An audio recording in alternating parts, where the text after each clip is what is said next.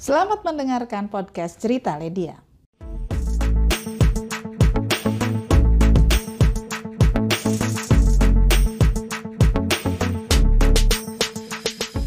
Ikatan Dokter Indonesia IDI mendesak agar rancangan Undang-Undang Kesehatan dikeluarkan dari program legislasi nasional atau Prolegnas prioritas tahun 2023.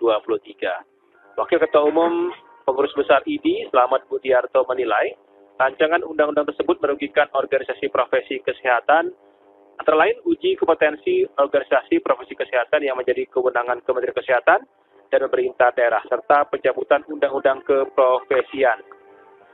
Apa saja yang perlu dikawal dari penyusunan RUU Kesehatan Omnibus Law agar mengakomod mengakomodasi kepentingan organisasi profesi kesehatan dan masyarakat sebagai penerima layanan kesehatan?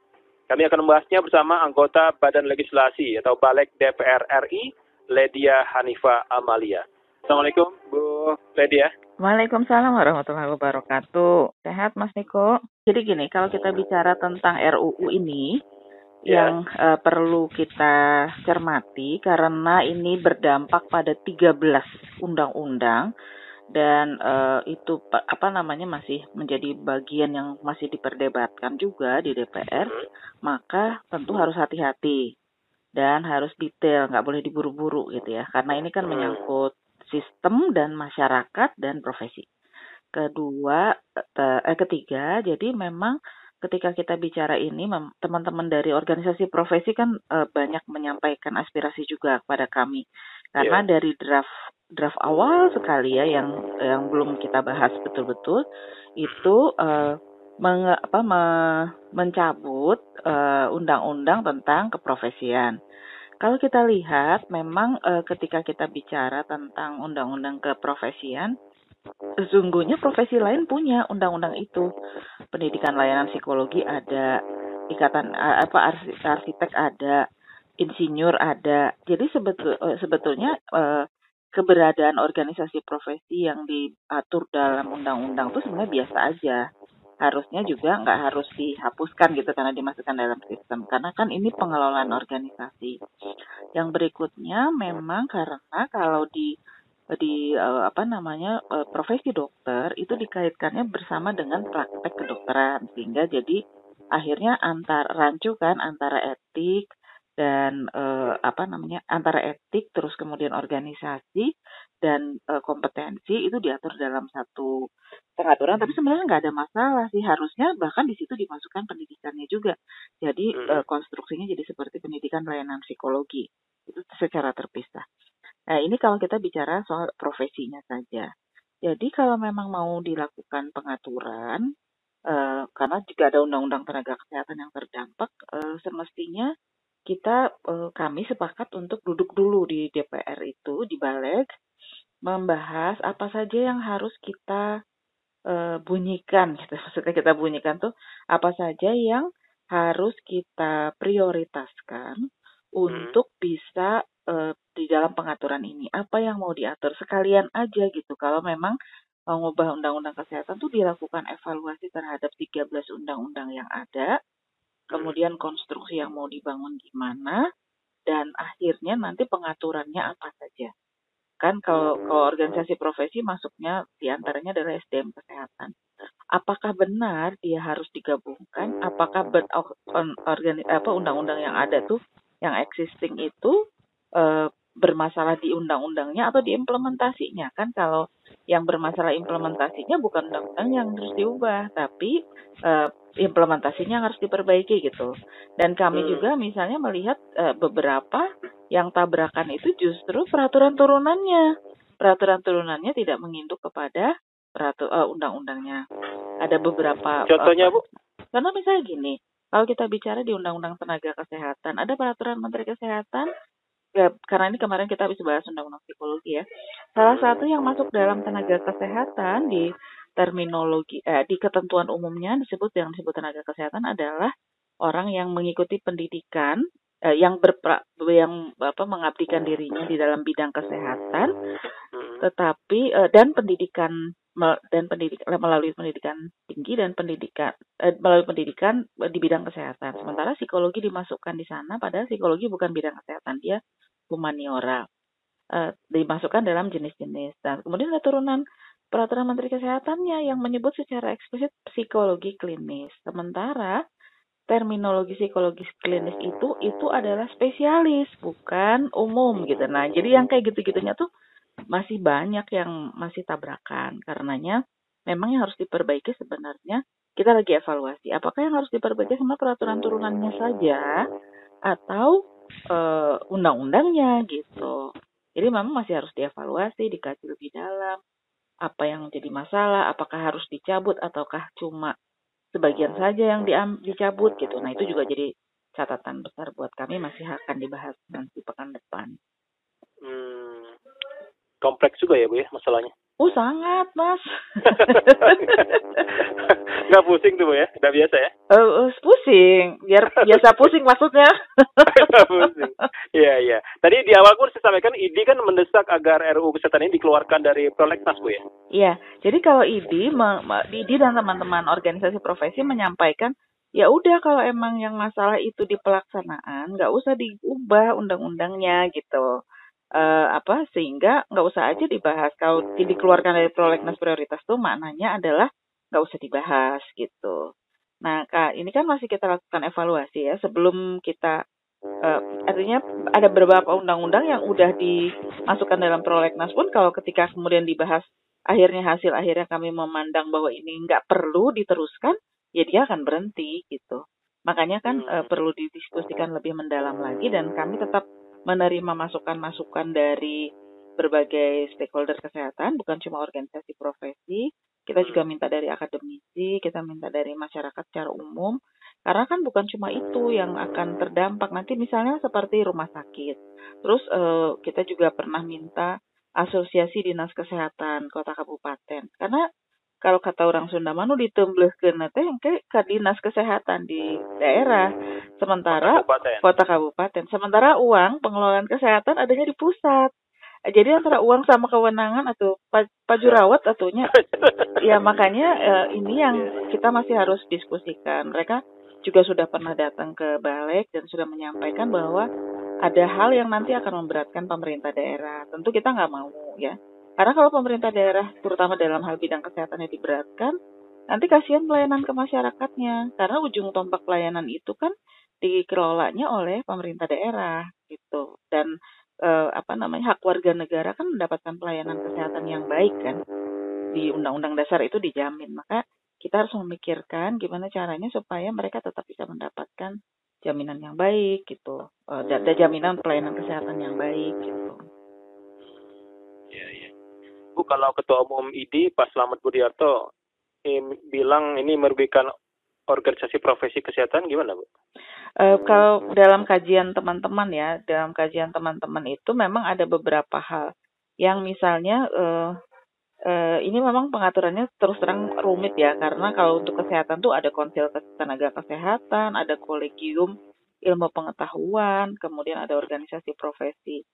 Nah, uh, Sebagian orang memandang bahwa birokrasi jadi panjang. Sebagian orang menganggap bahwa ini untuk melakukan kontrol terhadap eh, apa namanya kompetensinya kompetensinya dokter. Kan pasti masyarakat juga nggak mau dong kalau ditangani oleh dokter yang kompetensinya rendah. Misalkan nggak mau. Semua pasti pengen yang kompetensinya baik yang mengikuti perkembangan pengetahuan nggak yang apa-apa operasi misalnya gitu ya masih. Karena eh, pre promotif preventif itu tetap harus dikedepankan Nah, itu yang eh, yang apa masih dalam perdebatan. Jadi siapa melakukan apa, kewenangannya di mana, sebetulnya dulu sudah diatur dalam eh, Undang-Undang Praktek Kedokteran.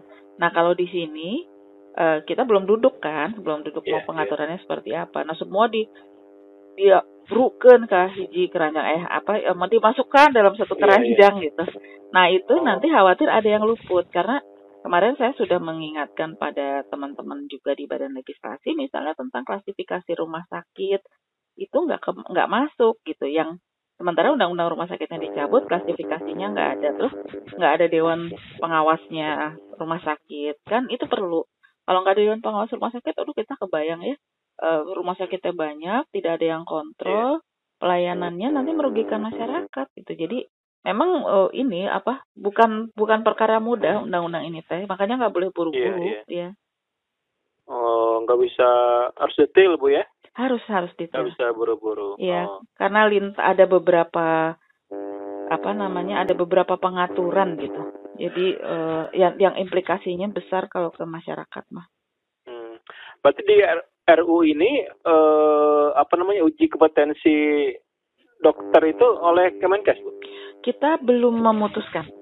Jadi Oh, belum. sekalian ya saya ingin menyampaikan Iya, iya, juga iya. pada masyarakat bahwa di ini masih tahap sangat awal, tahap sangat awal pembahasan Hmm. baru akan menyusun draft yang akan di draft dan naskah akademik yang akan di eh, apa dibawa untuk dijadikan inisiatif DPR. Jadi belum jadi inisiatif DPR, ini masih dalam taraf penyusunan di draftnya di Badan Legislasi. Jadi sebenarnya ini kesempatan buat masyarakat kesehatan eh, terutama ya eh, masyarakat kesehatan untuk memberikan masukan sebanyak-banyaknya ke Badan Legislasi. Boleh ke Badan Legislasi, boleh ke fraksi-fraksi gitu. Justru harusnya sekarang-sekarang ini gitu dilakukan. Iya iya. Masih sangat dini ya ini ya, baru awal-awal aja ya. Iya, cuma kan memang perlu perlu brainstorming yang dalam kan, supaya Iya, nanti arah penyusunannya eh, jadi baik gitu. Hmm. Bu Ledi, atau selama ini rumah sakit itu pengawasannya oleh siapa? sih? Ah, ada badan pengawasan ru- ada badan pengawas rumah sakitnya, terus kemudian ada Di bawah Eh, apa dia bu? eh, ada dinas. Kenapa? Dinas juga mengawasi. Oh iya iya. Hmm, hmm. Dinas kesehatan setempat berarti kota Iya, kabupaten. dinas kota kabupaten. Ya, karena kan pelayanannya langsung di kabupaten kota kan. Hmm. Cuma kan Selama nanti kalau ini-. Iya iya. Kalau Selama ada ini efektif nggak bu pelayan pengawasan itu bu? Eh, jadi ada daerah-daerah yang eh, pengawasannya itu bisa lebih baik karena misalnya jumlahnya terbatas kan, nggak banyak. Hmm, Tapi ada iya. satu kota, satu dua kota yang itu banyak sekali rumah sakitnya, rumah sakit, sakit. klinik segala macam kan banyak ya. Jadi Contohnya bu? kayak misalnya Bandung. di Jakarta, Bandung itu kan eh, yang Banyak lumayan banget ya? banyak rumah sakitnya kan. Jadi memang harus sangat cermat. Terus juga lintas. Kayak misalnya Bandung itu kan ada yang eh, Bandung Raya. Jadi sebenarnya, tapi kan secara Iya. birokrasi nggak ada birokrasi Bandung Raya kan. Adanya Iya. kan ada Kota, adanya kabupaten, kota ya. kabupaten. Kalau di pendidikan karena dia sangat banyak maka dia men- eh, dinasnya dinas provinsinya pun dibagi-bagi jadi cabang dinas beberapa kota kabupaten. Tapi setahu saya kesehatan belum bukan belum begitu gitu. Jadi memang harus sangat cermat, hati-hati gitu berkaitan dengan ini. Karena nanti khawatirnya merugikan pelayanan masyarakat. Dan ini eh, Mas Niko di juga harus dipastikan eh, kelas kelas rumah sakit kan ada kalau yang A itu yang rujukan nasional. Jadi kalau kita Tipe tidak A gitu ya? tipe A, iya. Kalau kita klasifikasinya tidak dibuat, nanti eh, sistem rujukan kita jadi akhirnya numpuk. Misalnya kayak gini, kalau tidak diklasifikasikan nanti orang batuk pilek aja datangnya ke Hasan Sadikin karena merasa di situ dokternya bagus gitu kan. Iya. iya. Mm-mm. Padahal kan sebenarnya ada yang eh, rumah sakit tipe B misalnya Bandung Kiwari ya yang di Kopo itu itu kan udah bagus. Jadi dari puskesmas ke tipe C atau D dulu terus kemudian ke eh, apa ke primer, sekunder, tersier gitu. Jadi sekundernya bisa Bandung Kiwari, bisa Ujung Berung misalnya. Itu jadi bagian yang harusnya bisa dijadikan rujukan baru nanti ke Hasan Sadikin tapi kan karena gini yang rumahnya di Cicendo ngapain juga ke Kopo cina mendingan ke ke Hasan Sadikin Iya, iya. gitu kan masyarakat kan nggak tahu itu tapi nanti akhirnya jadi tidak terlayani karena juga klasifikasi misalnya Hmm. kualifikasi penyakitnya juga bukan penyakit yang ditangani di A, di tipe A tapi di B misalnya atau di C gitu Iya. Iya kalau contohnya sedikit itu kadang ngeri bu ya numpuk banget tuh. uh wes pisan itu mah masya Allah karunya Bukan tambah sembuh bu, tambah sakit ya. jadi yang jadi yang yang harusnya ditangani di Hasan Sadikin yang hanya bisa ditangani di Hasan Sadikin antrian jadi panjang padahal mereka harus cepet kan gitu Iya iya. jadi memang itu apa namanya harus klasifikasi di Bandung itu rumah sakit yang tipe A itu sebenarnya sudah banyak misalnya kayak Hasan Sadikin Cicendo rumah sakit mata itu pusat loh Rotin Pusat mata Sulu nasional malah ya. Pusat Nasional mata nasional Iya iya. Ke Rotin Sulu paru nasional juga gitu Nasional. jadi Hmm. kita sebenarnya sangat bersyukur ya banyak yang rujukan nasional. Tapi akhirnya jadi tadinya semua. Padahal Kalau yang harusnya swastanya bu, yang tipe A-nya bu, kota Bandung bu. Kayak saya tuh te- tepat di apalnya. Eh, Kalau Sentosa Bu, itu eh, tipe A. saya saya tidak hafal. Saya Oh, tidak, tidak hafal. hafal ya. Oh iya iya. iya. Tapi yang tadi yang jelas ya, yang saya bikin, Cicendo ya, Iya. Raden Sulu ya. Iya, Rotin Sulu itu yang memang punya pusat gitu. Iya iya. Punya pemerintah lagi Punya gitu ya. pemerintah pusat ya maksudnya. Mm. Baik baik. Yang jelas ini eh, RU ini masih baru ya, baru awal Masih ya. baru awal. Hmm. Jadi masih menerima banyak masukan, silahkan diberikan masukan kalau masyarakat memerlukan, mem- eh, akan memberi masukan silahkan sehingga kami nanti juga akan mencoba untuk membuat pengaturan sebaik mungkin gitu. Hmm. Baik kalau begitu. Bu Lydia, terima kasih ya Bu ya waktunya. Ya sama-sama Mas Niko, mudah-mudahan Ya. sehat semua ya. Amin amin. Terima Terima kasih Bu. Assalamualaikum. Waalaikumsalam warahmatullahi wabarakatuh.